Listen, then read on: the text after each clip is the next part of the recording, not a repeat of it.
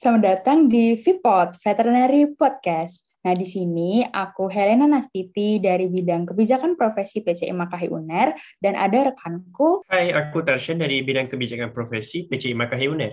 Oke, dan di sini kita juga udah ditemani sama Dr. Hardani Prima Rizky, dokter hewan MVM, yang biasa diakrab dipanggil Dokter Kiki. Halo dokter. Halo, selamat pagi adik-adik semuanya. Oke, terima kasih dokter. Semoga semuanya sehat ya dok. Amin. Amin. Semoga adik-adik semua juga sehat. Terima kasih banyak dok udah mau meluangkan waktu untuk menemani kita di sini sebagai pembicara di podcast kita yang berjudul Obat Pet Shop Ancaman atau Aman. Oke, kalau gitu mungkin kita mulai dari pertanyaan pertama ya dok. Jadi pertanyaan ini udah dikurasi dari beberapa pet owners yang mereka suka tanyakan gitu ke dokter hewan. Dokter, apa saja contoh obat pet shop yang sering dijadikan pilihan oleh pet owners daripada memilih untuk ke dokter hewan? Dan kalau boleh tahu, biasanya kenapa ya? Oke, sebetulnya kalau kejadian di lapangan, rata-rata juga kalau kita tidak tanya, pemilik tidak akan memberitahu gitu sudah diberi obat apa saja. Cuman berdasarkan pengetahuan yang saya ketahui, rata-rata macam-macam ya yang sedang beredar dan rata-rata sifatnya adalah racikan ya. Jadi sudah di ada suatu ramuan atau resep begitu, lalu yang diperbanyak. In, obat tetes mata, lalu ada obat flu, rata-rata juga buat kucing, kemudian mungkin ada vitamin bulu, ada obat untuk pencernaan seperti diare, ada obat untuk ektoparasit ini mungkin orang awam lebih mengenal kutu ya, obat kutu, lalu kemudian ada obat tetes telinga. Dan kebanyakan obat-obat itu adalah biasanya memiliki lebih dari satu ingredient, racikan lah Oke, paham-paham dokter. Itu banyak banget sih, aku juga sering lihat-lihat di pet shop pet shop deket rumahku, itu tuh banyak banget obat-obat yang kayak kecil-kecil gitu, botol-botol gitu ya dok. Betul, biasanya bentuknya obat tetes, ada kemasan seperti pipet, Hmm, ada juga uh, kalau obat untuk kulit itu berupa krim, ditaruh di dalam pot krim begitu. Uh, selama menjadi dokter hewan praktisi, dokter sering menemukan nggak kasus-kasus bahaya penggunaan obat pet shop? Memang kalau berdasarkan pengalaman, saya sering menemui ya kejadian adanya efek samping dari pemberian obat-obat yang ada di pet shop itu. Nah, bahayanya adalah dalam obat tersebut rata-rata tidak disebutkan apa komposisinya atau isinya, gabungan dari apa saja. Nah, itu sebetulnya sudah tidak mencerminkan obat yang baik yang tidak memberikan informasi. Jadi kita tidak tahu seberapa banyak dosisnya, apa kandungannya, sehingga kalau ternyata ada efek samping yang ditimbulkan, ya kita tidak bisa mengerti ini efek sampingnya karena diberi obat apa begitu. Pernah nggak dok kayak nemuin kasus? Misalnya ada kucing yang sebenarnya dia itu cuman saya kegaruk gitu lukanya kegaruk di matanya. Terus tuh karena dikasih obat tes mata gitu terus jadi tambah parah atau harus ada beberapa yang diamputasi atau jadi malah memperparah gitu pernah nggak dok? Uh, banyak juga sebetulnya kasus seperti itu. Tapi memang penyebabnya juga tidak serta merta karena obat racikan tadi ya. Karena ada juga sebetulnya yang memakai obat dari apotik. Jadi kadang-kadang pemilik juga beli-beli obat sendiri secara obat mata mungkin walaupun yang mengandung antibiotik itu kan dijual bebas juga ya di apotek tanpa menggunakan resep. Nah, ternyata obat yang dipilih salah gitu. Jadi bukannya makin sembuh malah semakin memperparah. Nah, karena kejadian sudah lama, sudah lama semakin merusak mata, akhirnya seperti yang disebutkan sama Helena tadi, bahkan bisa sampai diambil ya. Kalau kita tuh mungkin namanya enuklasi. Enuklasi itu diambil bola matanya karena sudah sampai menimbulkan kerusakan bola mata yang menyeluruh gitu. Jadi memang cukup sering kasus seperti itu adik-adik, tapi yang saya tahu juga tidak hanya disebabkan karena salah obat menggunakan yang ada di pet shop, tapi juga ternyata salah obat dengan membeli obat yang salah di apotek. Gitu. Oh iya, parah sih ya dok. Betul. Uh, kalau mungkin mau disebutkan satu kasus ya, mm-hmm. jadi awalnya Boleh, mungkin dok. ada kasus ulcus cornea atau mungkin kalau istilah Inggrisnya corneal ulcer ya kan. Nah, itu kan sebetulnya menurut teori tidak perlu dan tidak disarankan untuk diberikan obat mata yang mengandung kortikosteroid ya. Jadi kita cukup memberikan antibiotik saja gitu. Nah, tapi beli di apoteknya obat tetes mata yang kombinasi antibiotik ditambah kortikosteroid. Nah, jadi makin parah lah kondisi mata juga bisa gitu. Jadi memang hmm. tidak harus dari pet shop, tapi ya ya memang banyak juga klien yang memilih untuk mengobati dulu, tapi memang karena pengetahuannya jelas tidak sama ya dengan dokter hewan gitu. Jadi yang ternyata yang dipilih keliru dan bersifat kontraindikasi pada kasus yang ada. Uh, Dokter, terus kok bisa obat pet shop menyebabkan hal-hal seperti itu? Memang kenapa, dok? Di sini kita yang kita bahas kan cukup general ya. Obat pet shopnya kan macam-macam ya, mulai dari obat mata, diare, kulit, kutu ya kan. Jadi mungkin kenapa kok bisa menimbulkan uh, sesuatu yang membahayakan itu?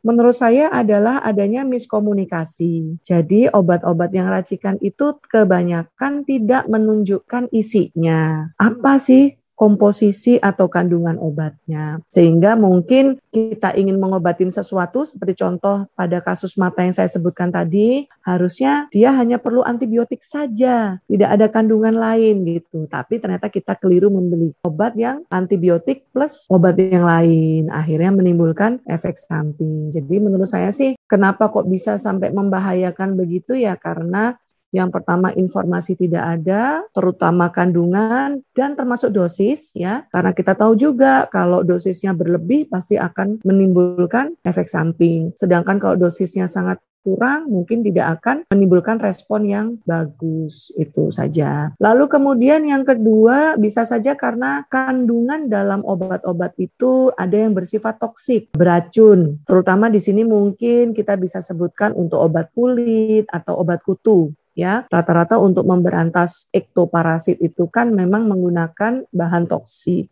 Nah, tidak adanya informasi yang jelas mungkin bagaimanakah cara menggunakan obat topikal atau obat luar ini sehingga pada saat pemberian mungkin terjilat ya atau mungkin masuk ke mulutnya si hewan kesayangan kita. Nah, akhirnya menimbulkan efek toksik begitu. Lalu kalau untuk menghindari hal-hal tersebut itu berarti kita kan pet owners tuh perlu teredukasi ya dok untuk tahu gitu gimana mana obat yang baik dan bagaimana cara pengaplikasiannya. Nah itu cara tahu ciri-ciri obat ilegal itu gimana ya dok? Oke. Sebetulnya ini juga masih saya masih perlu belajar ya, karena ini akan berhubungan dengan regulasi ya kan perizinan begitu kemudian edarnya obat ini terregister atau tidak begitu. Nah, terlepas dari itu otomatis yang tidak terregister kita bisa sebut ilegal ya kan. Misalkan racikannya home industry tidak mempunyai izin apa pun, ya kita bisa asumsikan itu ilegal. Nah, cuman mungkin kalau kita mau bicara yang baik dan tidak baik, yang pertama yang baik berarti yang memberikan informasi yang benar. Jadi kandungan dalam obat itu apa? Contohnya untuk obat diare dia mengandung apa? Kalau memang itu obat herbal mengandung apa juga gitu. Contohnya obat manusia yang banyak beredar itu kan yang untuk menurunkan diare atau mengatasi diare kan mengandung uh, ekstrak daun jambu biji, ya kan? Nah, iya, itu kan juga herbal, ya kan? Tapi tapi disebutkan. Nah, itu rasanya udah salah satu ciri obat yang baik. Lalu kemudian menyebutkan dengan jelas aturan pakai. Ini juga terutama untuk obat luar ya adik-adik, karena misalkan obat kutu itu biasanya kan akan didilusi atau diencerkan ya, diencerkan ke air begitu berapa tetes, diencerkan ke berapa liter air, lalu dimandikan ke hewan kesayangan. Nah, cara pakai itu harus disampaikan melalui etiket atau label obatnya itu harus jelas. Lalu kalau mau membicarakan legal dan ilegal ya yang pasti harus mempunyai izin itu tadi. Nah, hanya saja regulasinya bagaimana ini yang mungkin saya juga perlu atau kita ya sama-sama perlu melihat lagi. Karena dulu mungkin belum belum banyak ya aturan adik-adik tapi sudah semakin ke sini. Regulasi mengenai peredaran obat terutama obat hewan pun juga sudah banyak yang mengatur terutama dari Kementerian Pertanian dari Direktorat Jenderal Keswan atau Kesehatan hewan. Jadi itu mungkin nanti kita bisa mencari lagi lah update-nya undang-undang. Biasanya berhubungan dengan itu. Uh, apa semua keluhan dari kesehatan hewan itu sebenarnya kita sebagai pet owners itu tuh harus meminta resep dari dokter hewan untuk pemakaian obatnya gitu dok? Oke, okay, ya sebetulnya memang juga tidak ada yang salah ya kalau dengan obat-obat itu asal memang dia bersifat legal, komposisi ditunjukkan beserta dosis, kemudian aturan pakai dijelaskan. Hanya saja mungkin kita perlu juga memberikan client education ke para pet owners ini boleh silahkan menggunakan obat itu rasanya mungkin sebagai pertolongan pertama mungkin ya maksudnya kalau keberadaan pet shop itu memang lebih lebih mudah dijangkau oleh para pemilik dibandingkan dengan praktek dokter hewan. Tetapi kita perlu memberikan peringatan bahwa kalau memang tidak segera membaik sama tidak menyembuhkan, mungkin dalam hitungan 2-3 hari begitu memang mau tidak mau harus kita periksakan ke dokter gitu karena tidak ada perkembangan. Mungkin kalau mau dicontohkan begitu ya kalau untuk ke kalangan pet owners sama seperti bagi para owners yang punya anak kecil paracetamol, baik sirup, tablet kan banyak beredar ya obat anak-anak penurun demam. Tapi pasti dalam kandungan obat itu kan disebutkan bila dalam berapa hari demam tidak kunjung turun, pasti akan disarankan dibawa ke dokter. Nah, itu juga yang perlu kita sarankan ke para pet owners yang memilih menggunakan obat-obat yang ada di pet shop terlebih dahulu. Lalu um, dokter ada nggak cara uh, saran-saran buat pet owners nih gimana sih sebenarnya cara cara atau metode atau langkah-langkah yang harus kita lakukan kalau misalnya hewan peliharaan kita sakit? Oke, ya langkah-langkah yang pertama kita harus identifikasi dulu ya. Paling tidak memang pemilik itu harus mencoba menganalisa juga sebetulnya. Jadi misalkan kalau ada diare, kenapa ya kucing saya kok bisa diare? Uh, kita flashback dulu nih, apakah kemarin kita melihat dia makan sesuatu, kemudian apakah saya ada memberikan makanan yang tidak biasanya, bukan cat food yang biasanya ke dia gitu ya. Lalu kalau tidak ada, kita lihat dulu dia masih mau makan atau tidak. Lalu kemudian sangat lesu, jadi kondisinya langsung drop atau bagaimana. Supaya juga kita tahu kalau sudah sangat drop, langsung seketika menjadi lemas ya rasanya memang harus dibawa ke dokter ya untuk langsung diperiksakan. Tapi kalau ternyata aktivitas masih ada, nafsu makan, minum walaupun hanya sedikit tapi ada, Nah itu kalau memang mau mencoba menggunakan obat yang ada di pet shop tuh mungkin tidak apa-apa. Tapi tadi ingat dua hari, tiga hari tidak membuahkan hasil atau kondisi semakin lemas, ya mau tidak mau ya segera dibawa ke dokter untuk diperiksakan. Walaupun ya adik-adik mungkin kita tahu sekarang sudah banyak ya di manusia itu ada telemedicine. Nah, iya, di dokter. kedokteran hewan juga sudah mulai ada nih telemedicine. Tapi memang rata-rata advice atau nasihat yang diberikan pada telemedicine pun hanya bersifat untuk kayak mengatasi saja ya, tapi tidak bisa menyembuhkan gitu. Kenapa? Karena untuk kepastian diagnosis apa penyakitnya memang memerlukan pemeriksaan secara langsung. Kalau sudah pernah mengalami atau sudah pernah mencoba yang rasanya telemedicine, pasti tahu rasanya pasti yang disebutkan tuh hanya saran. Coba diberikan ini, diberikan itu, dan itu rata-rata berupa terapi simptomatis. Jadi hanya berdasarkan gejala. Tapi kita harus betul-betul memastikan pemilik itu paham kalau gejala tidak berkurang, berarti memang perlu diperiksakan karena kita harus melakukan pemeriksaan langsung untuk mengetahui penyebabnya. Begitu. Oh ya, baik dokter. Terima kasih banyak nih dok buat ilmunya. Aku ya, coba sama-sama. izin izin kasih sedikit kesimpulan buat uh, teman-teman pendengar. Jadi Boleh. intinya oh, obat pet shop itu sebenarnya bukan pilihan yang bijak gitu dalam kita untuk memilih untuk mengobati hewan-hewan kesayangan kita teman-teman karena beberapa obat pet shop itu tuh nggak ada prosedur cara pemakaiannya, terus nggak ada dosisnya kayak gimana, nggak kan kalau di obat manusia kan bisa dapat kertas panjang yang isinya tulisan yeah. secara detail gitu. Nah ke kebanyakan obat pet shop yang ditemui itu tuh nggak ada kayak gitunya, jadi agak meragukan gitu. Jadi buat teman-teman pet owners nih yang sayang sama hewannya, mungkin jangan pakai obat pet shop ya tapi lebih langsung dibawa aja ke dokter hewan biar nggak ada lebih parah lagi sakitnya gitu. Oke dokter terima kasih banyak. buat okay. waktu Boleh nggak menambahkan sedikit? Oh ya boleh, boleh lagi. banget dokter. Satu lagi concern sebetulnya ya karena kita berhubungan dengan kesehatan ya. Rata-rata obat pet shop pun juga su uh, hampir semua itu akan dicampuri oleh antibiotik ya. Hmm. Nah, ini mungkin kalau bagi pendengar secara umum ataupun para mahasiswa kedokteran hewan, kita sudah mau mendekati ke fenomena antimikrobial resistance. Yaitu ya, adik ya. bahaya sih nah, dok. Itu kan sangat bahaya. Nah, apa jadinya kalau obat-obat racikan yang kita tidak tahu isinya tadi ternyata juga mengandung antibiotik gitu.